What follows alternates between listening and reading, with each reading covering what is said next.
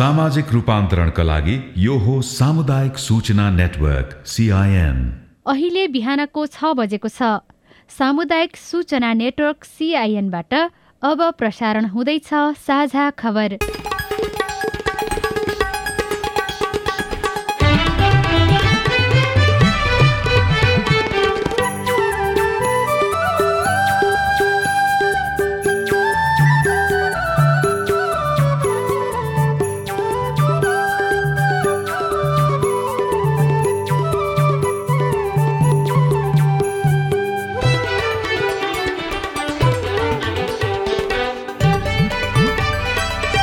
शुभ प्रभात। यो सिआइएनको साझा खबर हो। स्नेहा कर्णसँगै लील प्रकाश चन्दको तपाईँलाई स्वागत छ। सामुदायिक रेडियोबाट देशैभरि एकैसाथ प्रसारण भइरहेको साझा खबर सिआइएन खबर डट कम र मोबाइल एप सिआइएनबाट पनि सुन्न सकिन्छ। आज दुई हजार उनासी साल असोज एक गते शनिबार सेप्टेम्बर सत्र तारिक सन् दुई हजार बाइस नेपाल सम्बत एघार सय बयालिस। आश्विन कृष्ण पक्षको सप्तमी तिथि। आज विश्वकर्मा पूजा राष्ट्रिय चलचित्र दिवस अनि अनि राष्ट्रिय विज्ञान दिवस पनि आजै।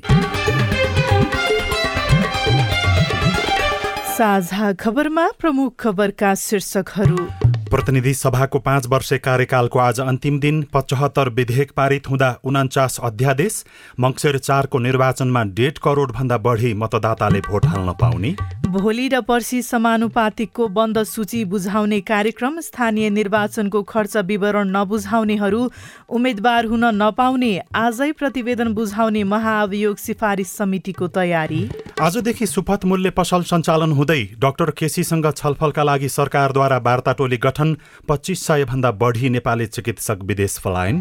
इजियुममा संयौंको संख्यामा मानव चिहान फेला परेको युक्रेनको दावी महारानी एलिजाबेथ द्वितीयको पार्थिव शरीर दर्शनमा चीनलाई रोक। र महिला साफ च्याम्पियनसिप फुटबलमा भारतमाथि नेपालको ऐतिहासिक जित अब उपाधिका लागि बङ्गलादेशसँग खेल्ने नौ राष्ट्रिय खेलकुदको ट्रफी सार्वजनिक।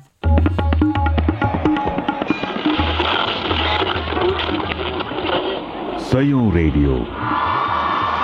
हजारौं रेडियो कर्मी र करोडौं नेपालीको माझमा यो हो सामुदायिक सूचना नेटवर्क सिआइएन साझा खबरको सबैभन्दा सुरुमा प्रतिनिधि सभाको पाँच वर्षे कार्यकालको आज अन्तिम दिन विभिन्न विधेयक र कानून निर्माणको प्रसङ्ग।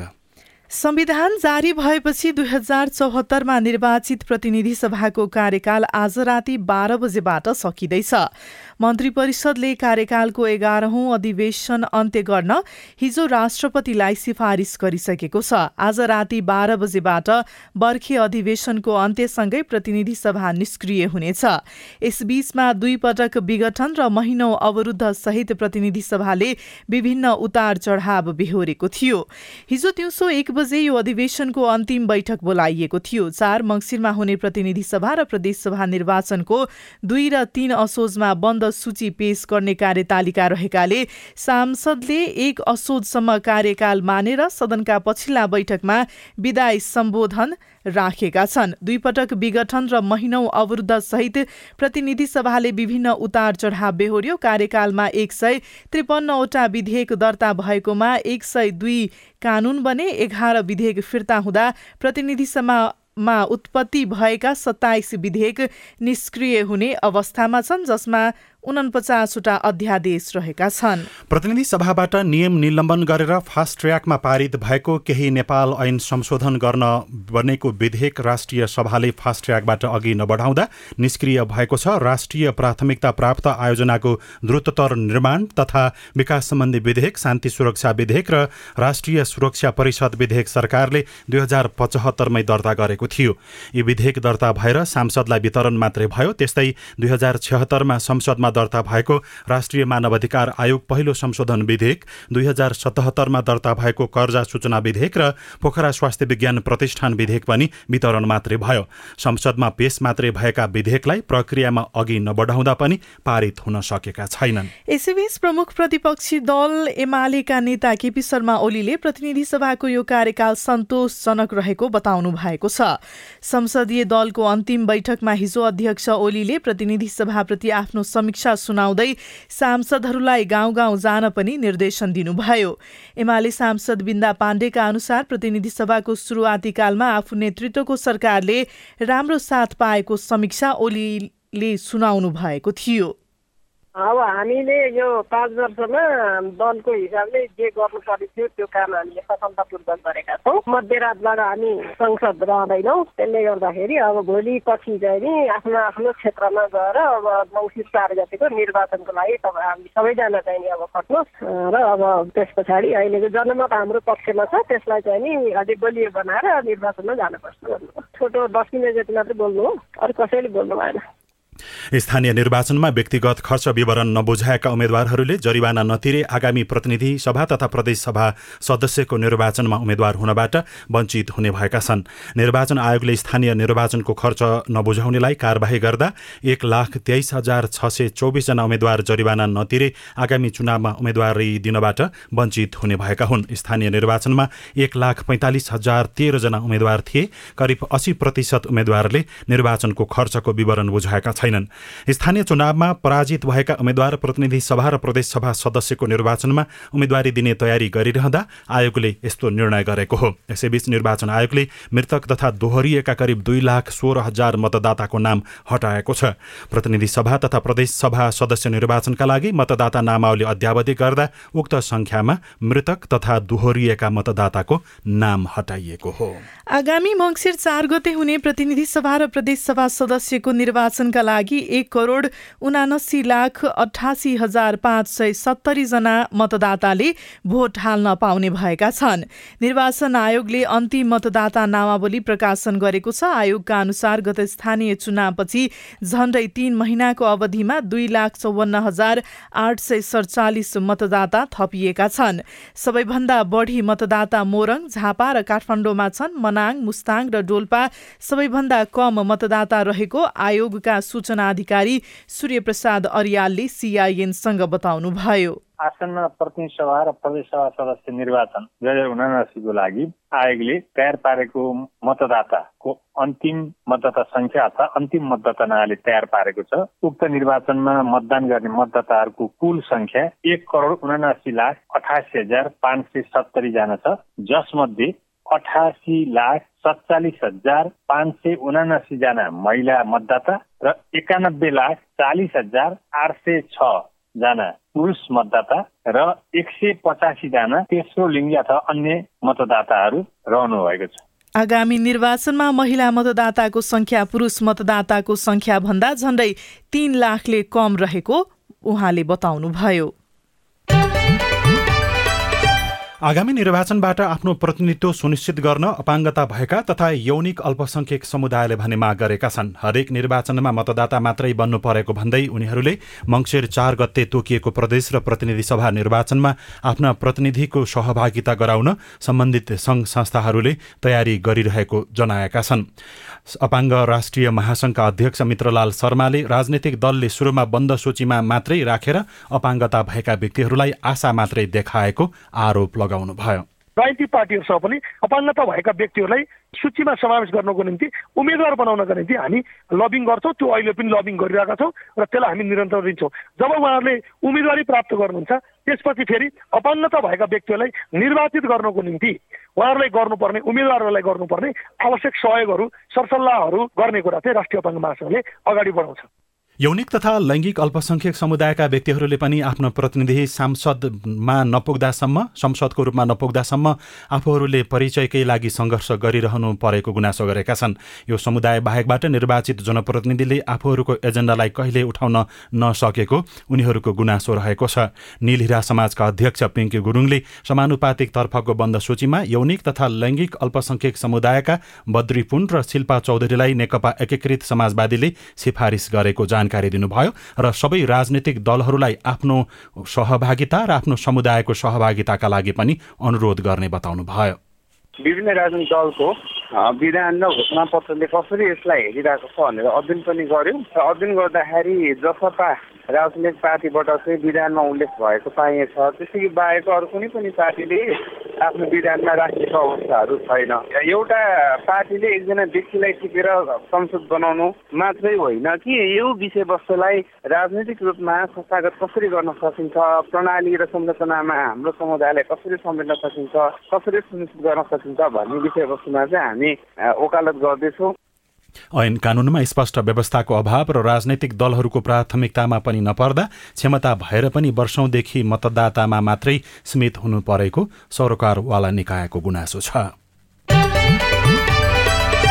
निलम्बित प्रधान न्यायाधीश चोलेन्द्र शमशेर जवराबारे प्रतिवेदन बुझाउने कि नबुझाउने भन्नेमा महाभियोग सिफारिस समितिका सदस्यहरू विभाजित भएका छन्। सत्तारूढ नेपाली काङ्ग्रेस र माओवादी केन्द्रका सांसदहरूले आजै संसदको कार्यालय सकि कार्यकाल सकिनु अघि नै प्रतिवेदन तयार पारेर सभामुखलाई बुझाउनु पर्ने तयारी गरिरहेका छन्। तर प्रमुख प्रतिपक्षी नेकपा एमालेका सांसदहरूले अध्ययन नै पूरा नभएको बताएका छन्। यसैबीच जवराले दुई वर्ष अघि श्रीमती रेजी राणाको नाममा चौबिस आनाभन्दा बढी जग्गा जोडेको भेटिएको छ। न्याय परिषदले महाभियोग सिफारिस समितिलाई उपलब्ध गराएको जवराको सम्पत्ति विवरण अनुसार सत्र असार दुई हजार सतहत्तरमा एक रोपनी आठ आना तीन पैसा एक दाम जग्गा किनेको पाइएको हो। यो जग्गा आठ करोड छब्बिस लाखमा खरिद गरेको विवरणमा उल्लेख गरिएको छ। विज्ञहरूले भने न्यायालयमा पहिलोपटक यति धेरै सङ्कट आएको भन्दै चिन्ता व्यक्त गरेका छन्। पूर्व प्रधान न्यायाधीश कल्याण कुमार श्रेष्ठले न्यायालयमा देखिएको सङ्कटको प्रमुख कारण नै राजनीतिक स्वार्थ र भ्रष्टाचारी मानसिकता भएको बताउनुभयो। पछिल्ला दिनहरूमा जुन किसिमको विवाद हामीले छिचोलिराखेका छौँ न्यायपालिकाले जुन क्षति अहिले बेहोरेको छ त्यो क्षतिलाई अविलम्ब न्यूनीकरण गर्ने र सम्बोधन गर्ने कोसिस गरेनौँ भने बाँकी कसैले प्रजातन्त्र टिकाउन सक्दैन। त्यो ऊर्जा र त्यो हुदियाले चाहिँ देखाउन सकेन भने हाम्रो प्रजातन्त्र र हाम्रो विकास सम्भव छैन। त्यो एउटा अन्तिम आश्वासन केन्द्रको रूपमा रहन्छ। यसलाई फेरि पुनर्जीवित पुनर्जागृत गर्नुपर्ने अवस्थामा छ। खास गरेर राजनीतिकरण। न्यायपालिकादेखि सबै संस्थाहरूमा जुन ढङ्गको संरचना निर्माण गरेको छ नि त्यो संरचनामा राजनीतिक इच्छा व्यक्त हुन्छ उसको प्राथमिकता व्यक्त हुन्छ उसको चयन व्यक्त हुन्छ स्पिल ओभर इफेक्ट्सहरू त्यसपछि नकारात्मक रूपमा पैदा गर्न थाल्छ। पूर्व प्रधान न्यायाधीश श्रेष्ठले राजनीतिक दलहरूले न्यायालयमा पनि आफ्ना इच्छा व्यक्त गर्न थालेकै कारण अहिलेको परिस्थिति सृजना भएको बताउनुभयो।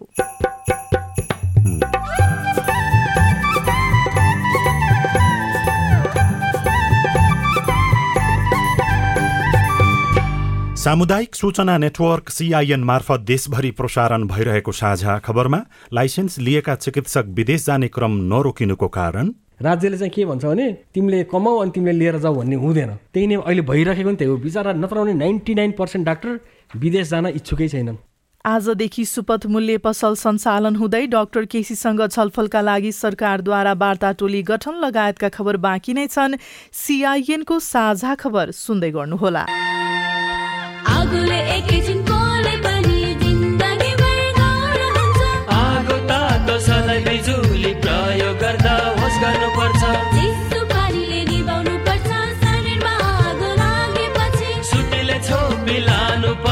बिरामीलाई स्वास्थ्य चौकी। नानी हो हुन्न भान्सामा खेल्नु तातो र बलले सामान हुन्छ।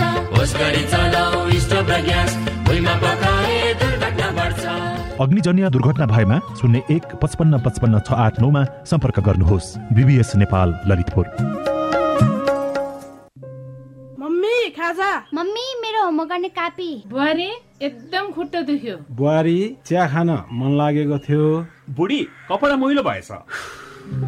अरे मेरो परिवार भर्खरै सुनेको संवाद तपाईँलाई कस्तो लाग्यो? यही संवादलाई फेरि एकपटक यसरी सुनौ न है। मम्मी खाजा आज म बनाउँछु। मिठो बनाउँछु है।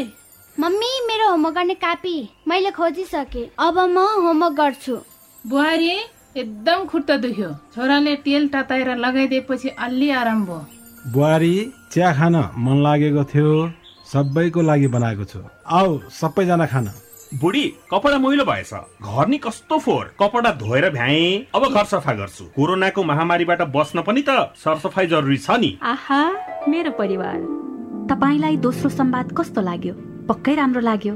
हो तपाईँ हामी बीच जिम्मेवारी बोध भयो भने एक अर्का बीचको निकटतालाई अझ राम्रो बनाउन सकिन्छ।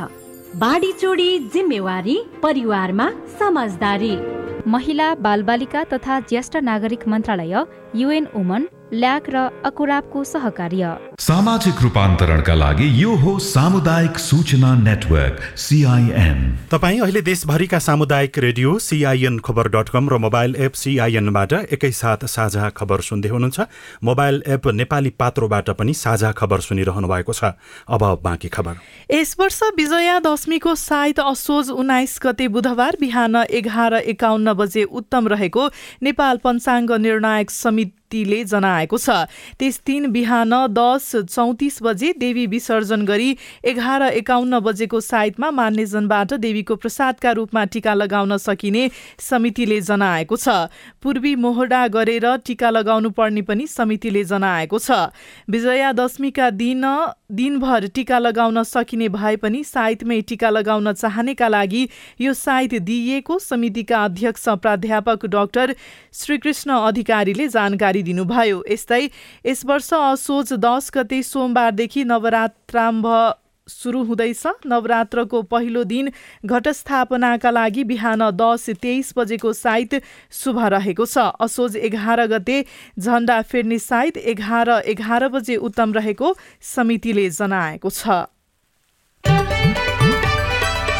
अब आज काठमाडौँबाट प्रकाशित पत्र पत्रिकाको खबर। नयाँ पत्रिका दैनिकमा टुकुचा मिच्ने पाँच सय एकासी किताको सूची तयार। भत्काउने तयारी शीर्षकमा शिवहरी घिमिरे लेख्नुहुन्छ। काठमाडौँको बाँसबारी महाराजगञ्जबाट जय नेपाल हल थापाथली हुँदै बागमतीमा मिसिने टुकुचा इच्छुमती खोलाको एक सय चौबिस रोपनी अतिक्रमण भएको पाइएको छ। व्यक्ति सरकार र सार्वजनिक सङ्घ संस्थाले खोला मिचेर छ तलेसम्मका भवन ठड्याएर व्यापारिक प्रयोजनमा ल्याएको पाइएको छ। काठमाडौँ महानगरपालिका सरकारले यस्ता अवैध संरचना भत्काउने अभियानको तयारी गरेको हो। टुकुचासँग जोडिएका अतिक्रमण गर्ने पाँच सय एकासी किता जग्गाको सूची पनि महानगरले तयार पारिसकेको छ। सात अर्ब लगानीमा पन्ध्र वर्षमा हराभरा बन्ने टुकुचाको बारेमा पनि टिका टिप्पणी र चर्चा भइरहेको छ। गोर्खापत्र दैनिकको भित्री पृष्ठमा आजदेखि सुपथ पसल सञ्चालन शीर्षकमा खबर लेखिएको छ।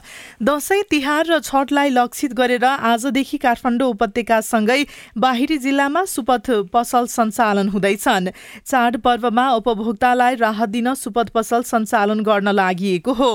खाद्य व्यवस्था तथा व्यापार company limited salt trading corporation र दुग्ध विकास संस्थान मार्फत सुपथ पसल सञ्चालन हुँदैछन्। यी सरकारी संस्थानले आफ्ना बिक्री केन्द्र मार्फत सुपथ पसल सञ्चालन गर्नेछन्।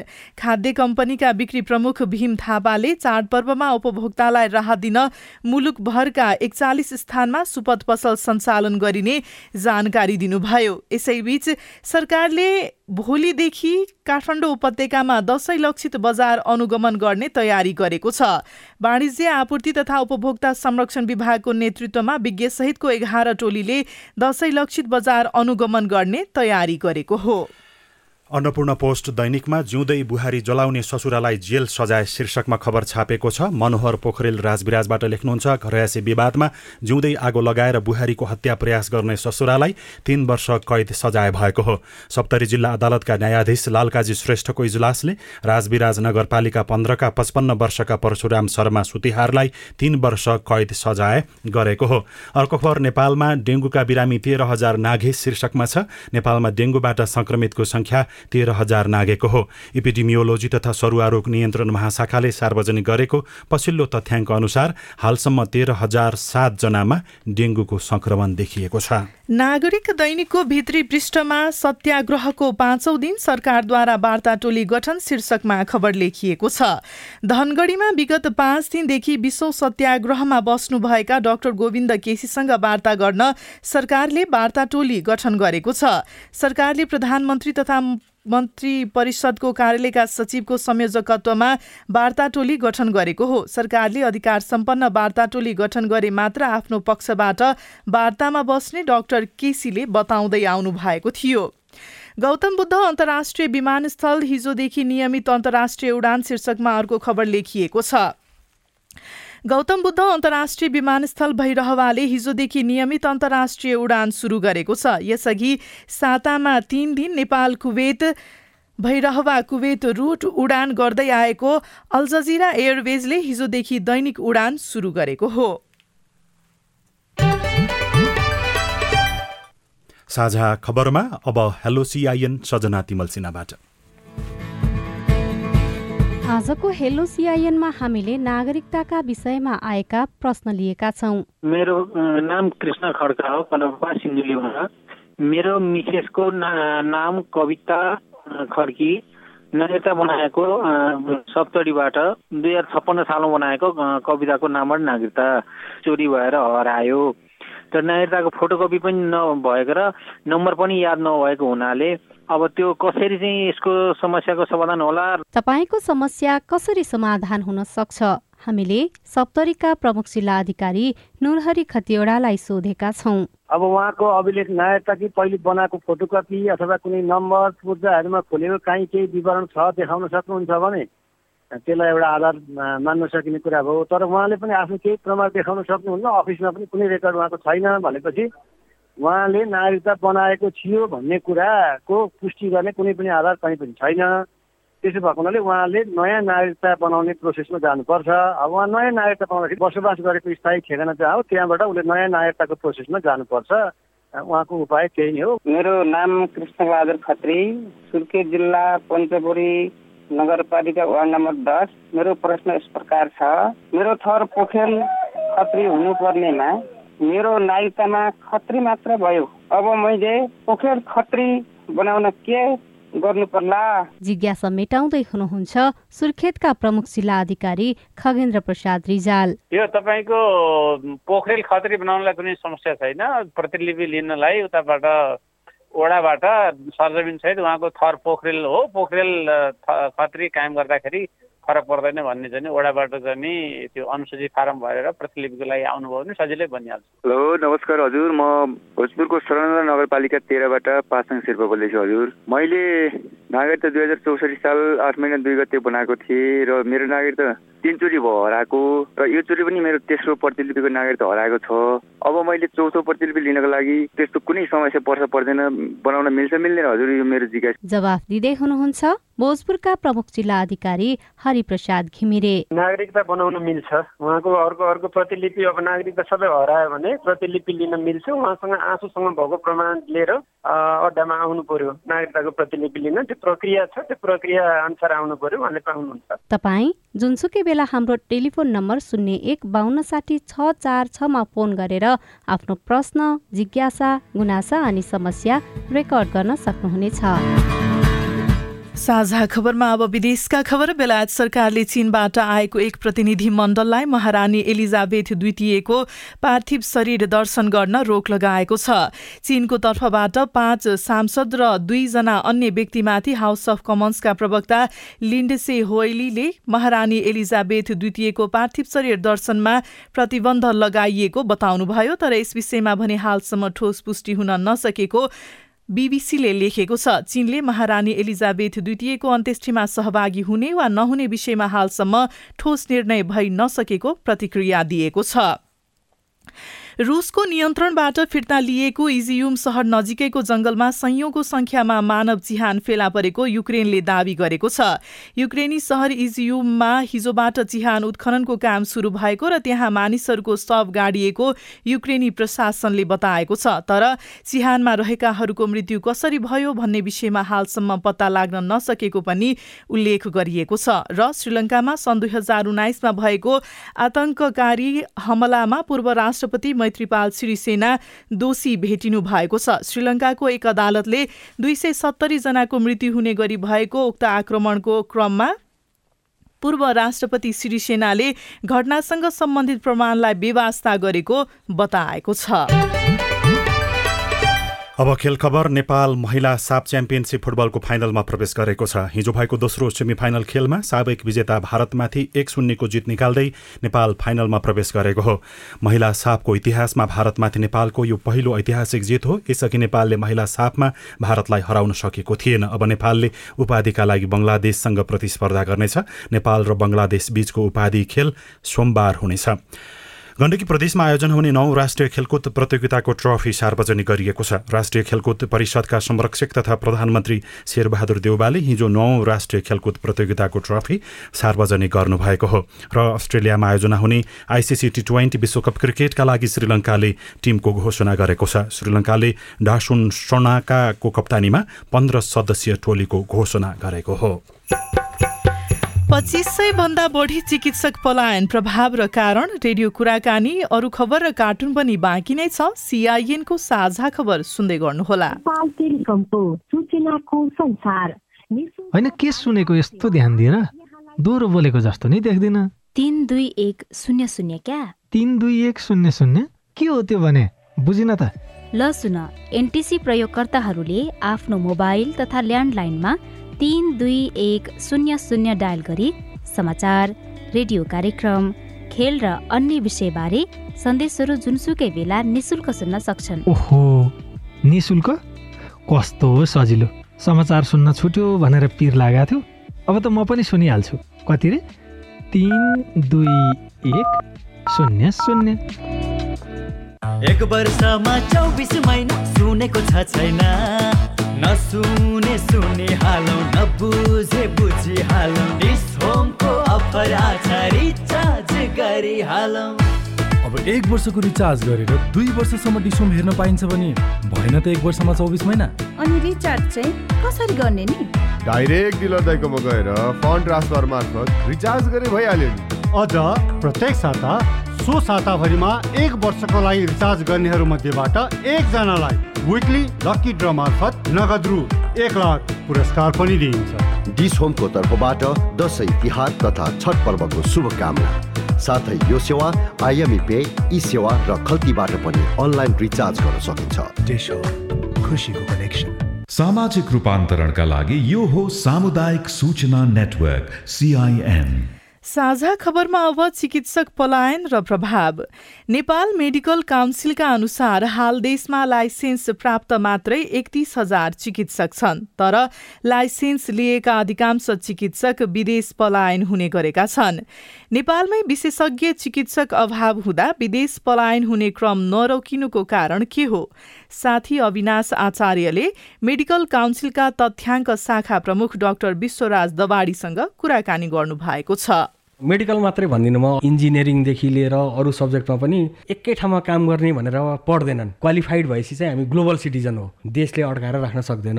अपर्च्युनिटी खोज्ने मान्छे हुँ। तर मलाई राज्यले कति स्पेन्ड गरेछ भने राज्यले तिमीले यति राज्यप्रतिको दायित्व तिम्रो यति हो। र त्यो चाहिँ दिनपर्छ राज्यबाट छात्रवृत्ति लिएर उत्पादन भएको एउटा डाक्टरले केही उसको दायित्व त हुन्छ होला। त्यो दायित्व चाहिँ कति हो? दुई वर्ष।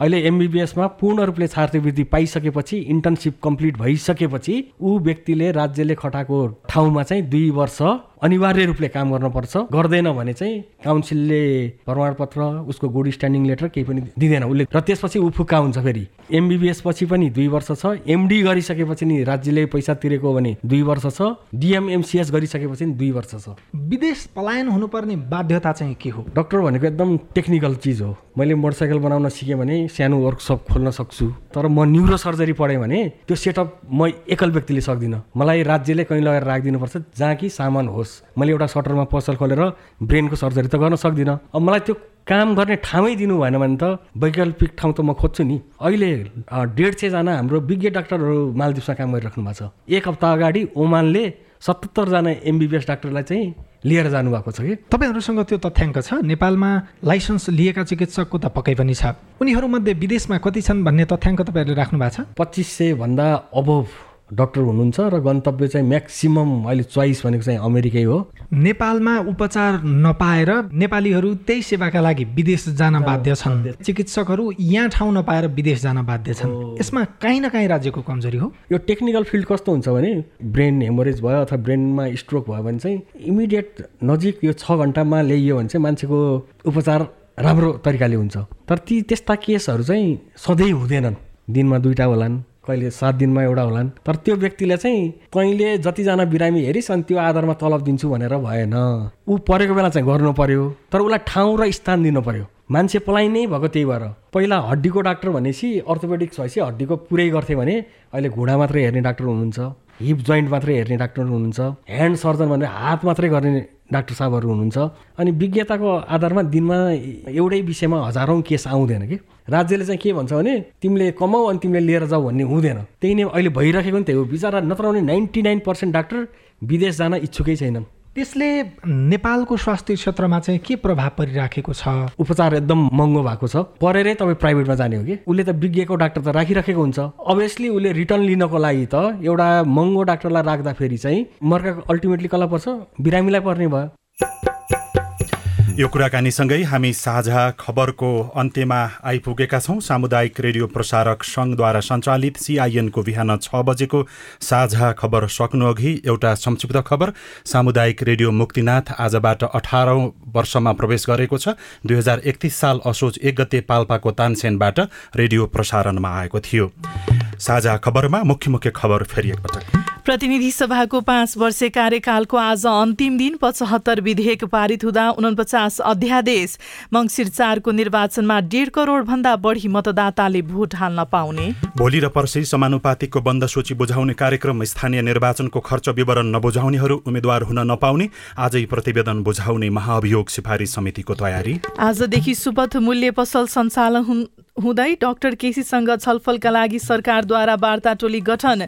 पच्चिस सय भन्दा बढी नेपाली चिकित्सक विदेश पलायन। इजियुममा स्वम्यूको संयुको संख्यामा मानव चिहान फेला परेको युक्रेनको दावी महारानी एलिजाबेथ द्वितीयको पार्थिव शरीर दर्शनमा चीनलाई रोक। र महिला साफ च्याम्पियनसिप फुटबलमा भारतमाथि नेपालको ऐतिहासिक जित। साझा खबरको अन्त्यमा कार्टुन। कार्टुन हामीले पहिलो पोस्ट डट कमको अनलाइन संस्करणमा रविन्द्रले बनाउनु भएको कार्टुन लिएका छौँ। व्यङ्ग्य गर्न खोजिएको छ प्रतिनिधि सभाको कार्यकाल सकिँदैछ र सांसदहरू केही जहिले पनि बैठकमा अनुपस्थित देखिन्थे। संसद भवन बानेश्वर जस्तो देखाइएको छ पछाडि पृष्ठभूमिमा। दुईजना व्यक्तिहरू बिहानी पखको हिँडाइमा छन्। कुराकानी गर्दैछन्। एकजना व्यक्ति यस्तो भन्दैछन् हराएको टुकुचा त भेटियो। चुनाव आयो अब संसदबाट हराएका सांसद पनि कसो नभेटिएलान् र? हवस् त। प्राविधिक साथी सुभाष पन्तलाई धन्यवाद। अहिलेलाई लील प्रकाश चन्द्र स्नेहा कर्ण विदा भयो।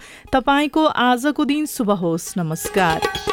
यसपछि देशभरिका सामुदायिक रेडियोबाट कार्यक्रम सोधी खोजी प्रसारण हुनेछ। सुन्ने प्रयास गर्नुहोला।